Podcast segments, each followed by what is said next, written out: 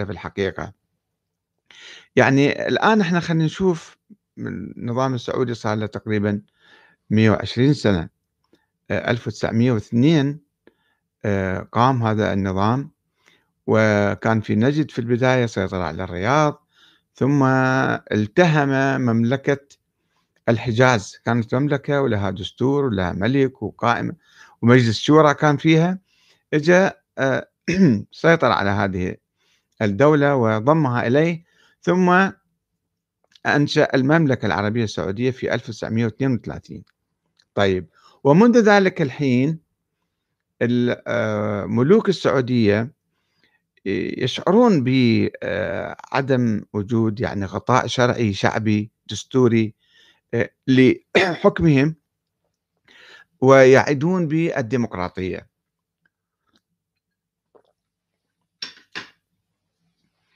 يعدون بأنه سوف نصدر دستور المملكة سوف نصدر نظام للحكم مجلس شورى وعود عديدة. والآن خلينا نلقي في الضوء يعني آه، سريع على آه، الوعود التي قدموها. آه، مثلا الملك عبد العزيز المؤسس أصدر في سنة 1932 مرسوما بتكليف مجلس من الوكلاء لوضع نظام أساسي يعني دستور للمملكة ونظام لتوارث العرش حتى ونظام لتشكيلات الحكومة وعرضها عليه لاستصدار أوامره فيها. يعني هو قرر هذا الشيء وكان المرسوم يتضمن تشكيل جمعية مندوبين يعني نواب. ولكن بقى المرسوم مرسوم لم يترجم إلى واقع منذ ذلك الحين منذ حوالي مئة سنة. وعندما توفي الملك عبد العزيز وورثه ابنه الأكبر سعود أخذ يتصرف كأبيه كحاكم مطلق مما ولد أزمة في داخل العائلة السعودية المالكة وأدى للاختلاف بين أفرادها حيث انشق عدد من الأمراء اللي هم طلال وفواز وبدر وعبد المحسن وسعد عام 1958 وطالبوا بوضع دستور يحفظ الحرية والحقوق للمواطنين. وإقامة مجلس للشورى. فأعلن الملك سعود أنه سيضع دستورا للبلاد وشكل لجنة حكومية لصياغته. واستحدث منصب رئيس الوزراء وعين أخاه فيصل فيه وأعطاه دور السلطة التشريعية. الحكومة هي تقوم بدور التشريع. وأعلن فيصل في 1 11 1962 بأن الحكومة قد وضعت برنامجا إصلاحيا وقال أن الوقت قد حان لإصدار نظام أساسي للحكم مستمد من كتاب الله وسنة رسوله وسيرة الراشدين. يضع في وضوح كامل المبادئ الأساسية للحكم وعلاقة الحاكم بالمحكوم وينظم سلطات الدولة المختلفة وعلاقة كل جهة بالأخرى وينص على الحقوق الأساسية للمواطن. ومنها حقه في التعبير عن رأيه في حدود العقيدة الإسلامية والنظام العام. هذا كلام ملك فيصل. وأن نظام الشورى الإسلامي يجب أن يتم إحياؤه من جديد ليسهم أهل الحل والعقد في بناء الدولة ومراقبة أعمال السلطة. بيان كلش رائع هذا من الملك فيصل. ولكن هذا الإعلان بقي مجرد حبر على ورق ولم يتم الوفاء به في ذلك الوقت. ونظرا لشعور الملك فيصل بفقدان النظام للشرعية الدستورية أنه ما عنده غطاء نظام قائم على القوة فقط. وعد المواطنين مرة أخرى بإصدار دستور يتضمن إقامة مجلس شورى ويكفل الحقوق الأساسية للمواطنين. ومضت أكثر من عشر سنوات دون أن يقوم الملك الذي قتل في عام 75 بأية خطوة في هذا الاتجاه. وعود وعود. الملك عبد العزيز ملك سعود ملك فيصل نجي على ملك آه الأمير آه فهد. كان أمير في وقتها. في ذلك الوقت أعلن الأمير فهد 75 يعني آه اللي كان ولي عهد ورئيس الوزراء عن إيمانه بالديمقراطية الإسلامية. بعد ما في أكثر من هكذا آه كلام. إيمانه بالديمقراطية الإسلامية. وقال إن الشورى هي إحدى أسس الديمقراطية الحقيقية ووعد بقرب صدور نظام مجلس الشورى. ولكن النظام السعودي استمر كما هو عليه نظاما فرديا مستبدا بصورة مطلقة إلى أن حدثت حركة جهيمان العتيبي في الحرم المكي سنة 1979 1400 يعني أول في محرم 1400 فتذكر الملك خالد موضوع الشورى وأمر بتشكيل لجنة لإعداد مشروع الدستور لأن هذه الثغرة الكبرى التي يعاني منها النظام السعودي أنه لا لا يقوم على قاعدة شعبية. قال يلا ملك فهد آه، ملك خالد خلينا نسوي مجلس شورى. وأمر بتشكيل لجنة لإعداد مشروع الدستور. ومضى عقد آخر من الزمان لم يحدث خلاله أي تطور دستوري في النظام السعودي إلى أن حدثت حرب الخليج الثانية عام 1991 وهي الحرب التي استدعى فيها الملك فهد القوات الأمريكية لتحرير الكويت من احتلال صدام وأثارت امتعاضا داخل السعودية لأن كيف تجيب قوات أجنبية أمريكية تمثل بتقديم مذكرات للنصيحة من قبل بعض المواطنين إلى الحكومة. فقام الملك فهد بالإعلان عن الأنظمة الثلاثة سموها الأنظمة الثلاثة النظام الأساسي للحكومة يعني الدستور ونظام مجلس الشورى شرح لهذا الدستور ونظام المناطق أو المقاطعات وهي تعتبر بمثابة دستور للمملكة العربية السعودية. هذا أول دستور يصدر سنة 1991 أو 92 خلينا نشوف هذا الدستور هل قام على أساس القرآن والشريعة الإسلامية؟ آه، وهل تضمن أي شيء من الديمقراطية أو من الشورى أو من مشاركة الناس أو حتى من التعبير آه، عن عن حقوق الناس مثلا أو فقط واجباتهم تجاه الحكومة؟ خلينا نقرأ شوية قراءة سريعة بهذا الدستور السعودي أو أو الأنظمة الثلاثة. ملامح الدستور السعودي.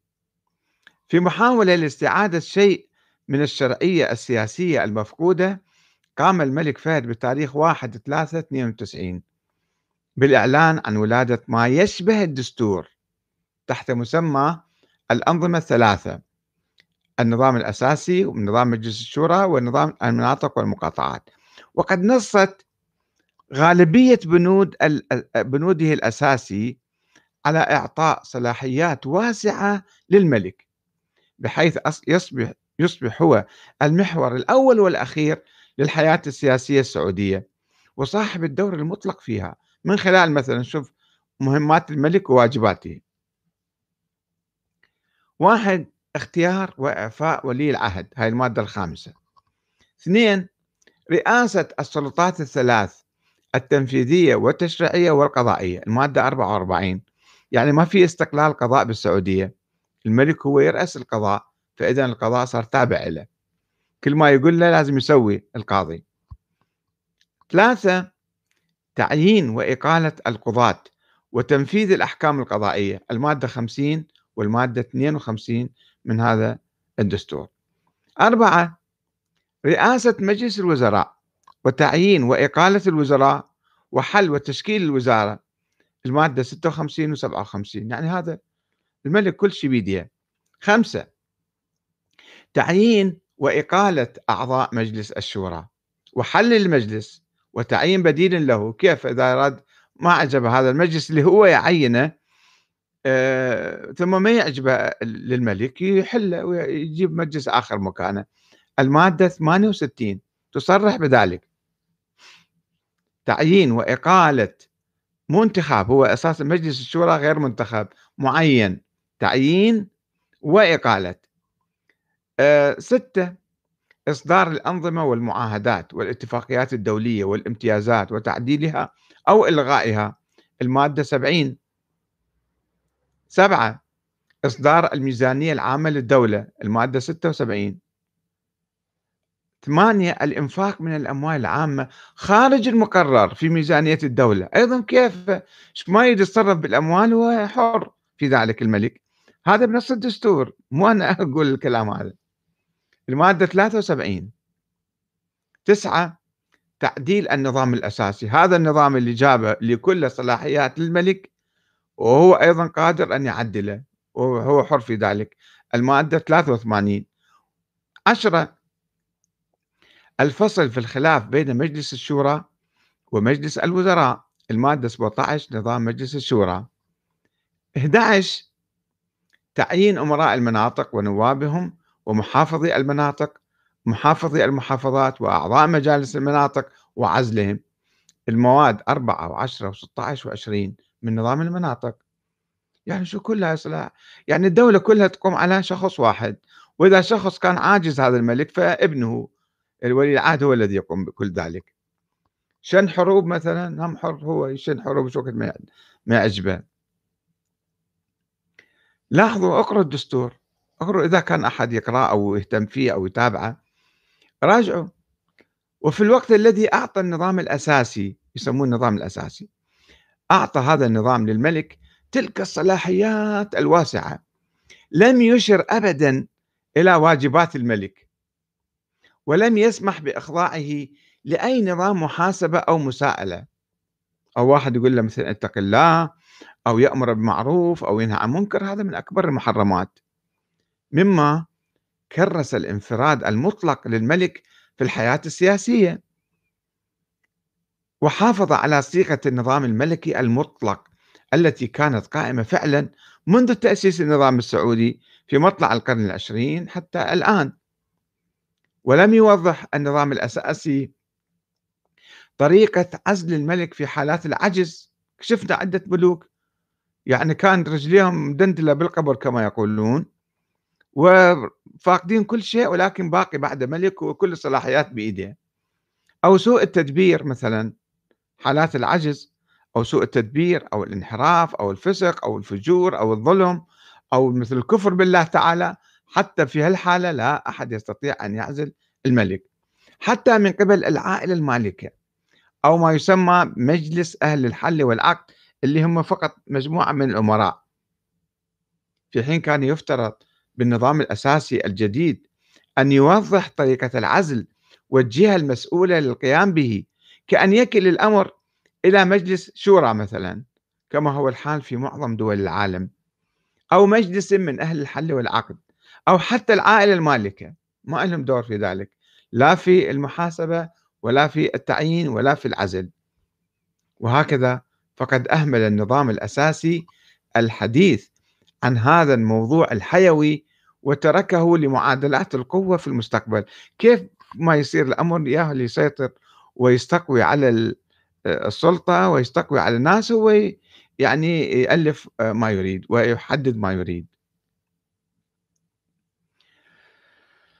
ومع أن النظام الأساسي نص في المادة ثمانية على أن يقوم الحكم على أساس الشورى ولكنه لم يوضح فيما إذا كانت ملزمة أم معلمة.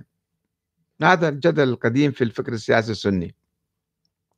وقد صدر نظام خاص بالشورى نص على أن مجلس الشورى يقوم على أساس التعيين من الملك وليس على أساس الانتخاب من المواطنين.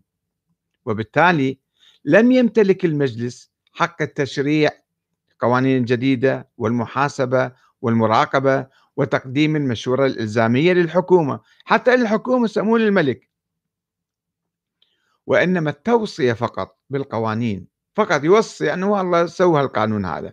كما جاء في المادة 17 من نظام مجلس الشورى.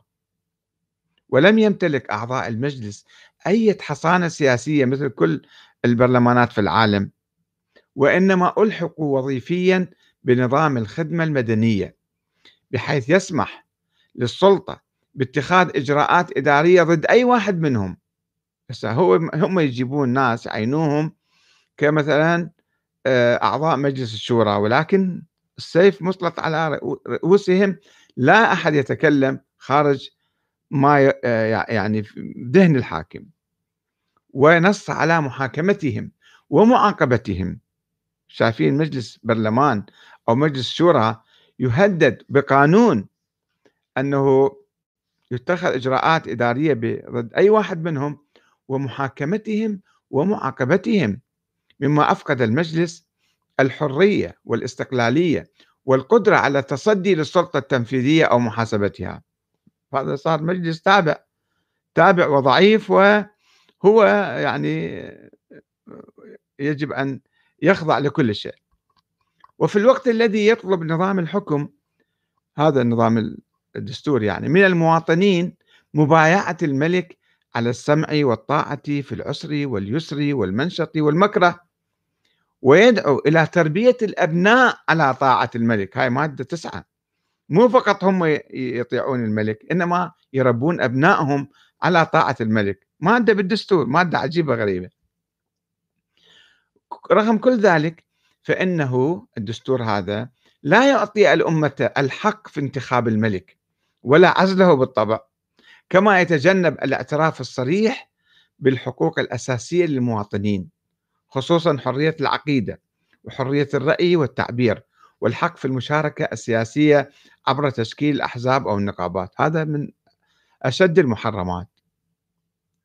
وفي مقابل ذلك ينص النظام الأساسي على إلحاق وسائل الإعلام المحلية بالدولة ويفرض عليها الالتزام بسياساتها. المادة 39 مما يعني مصادرة حرية المواطنين في التعبير عن آرائهم في القضايا التي لا تنسجم مع السياسة الحكومية يعني الحكومة اللي قامت بحرب ضد دولة جارة مسلمة عربية فيجب أن الإعلام يصفق لذلك. ومستحيل واحد يتساءل أنه ما فائدة هذه الحرب ولماذا شنت هذه الحرب وإلى متى تستمر هذه الحرب. أبدا لا يجوز التفكير في ذلك. ويؤكد النظام الأساسي أن لا دور للشعب في تعديل أي مادة من مواد النظام يعني من مواد الدستور. وإنما يجري ذلك بنفس الطريقة التي تم بها إصداره أي بالإرادة الملكية كما هو صريح المادة 83 ولقد تكرر في النظام الأساسي النص على استناد الحكم إلى كتاب الله تعالى وسنة رسوله. عدة أماكن. قائمين قاعدين أنه الحكم حكمنا قائم على كتاب الله وسنة رسوله كما في المادة واحد. المادة خمسة المادة ستة المادة سبعة من الدستور من نظام الحكم. ولكنه لم يوضح النصوص التي يستند إليها في شرعيته وطبيعته الوراثية وحصر الحكم في العائلة السعودية. كما جاء في المادة رقم خمسة أن الحكم فقط في العائلة السعودية وأنه آه، طبيعة النظام طبيعة وراثية. طب هذا وين جاء بالقرآن الكريم؟ وين جاء في سنة رسول الله؟ ما له علاقة لا بالقرآن لا بالسنة.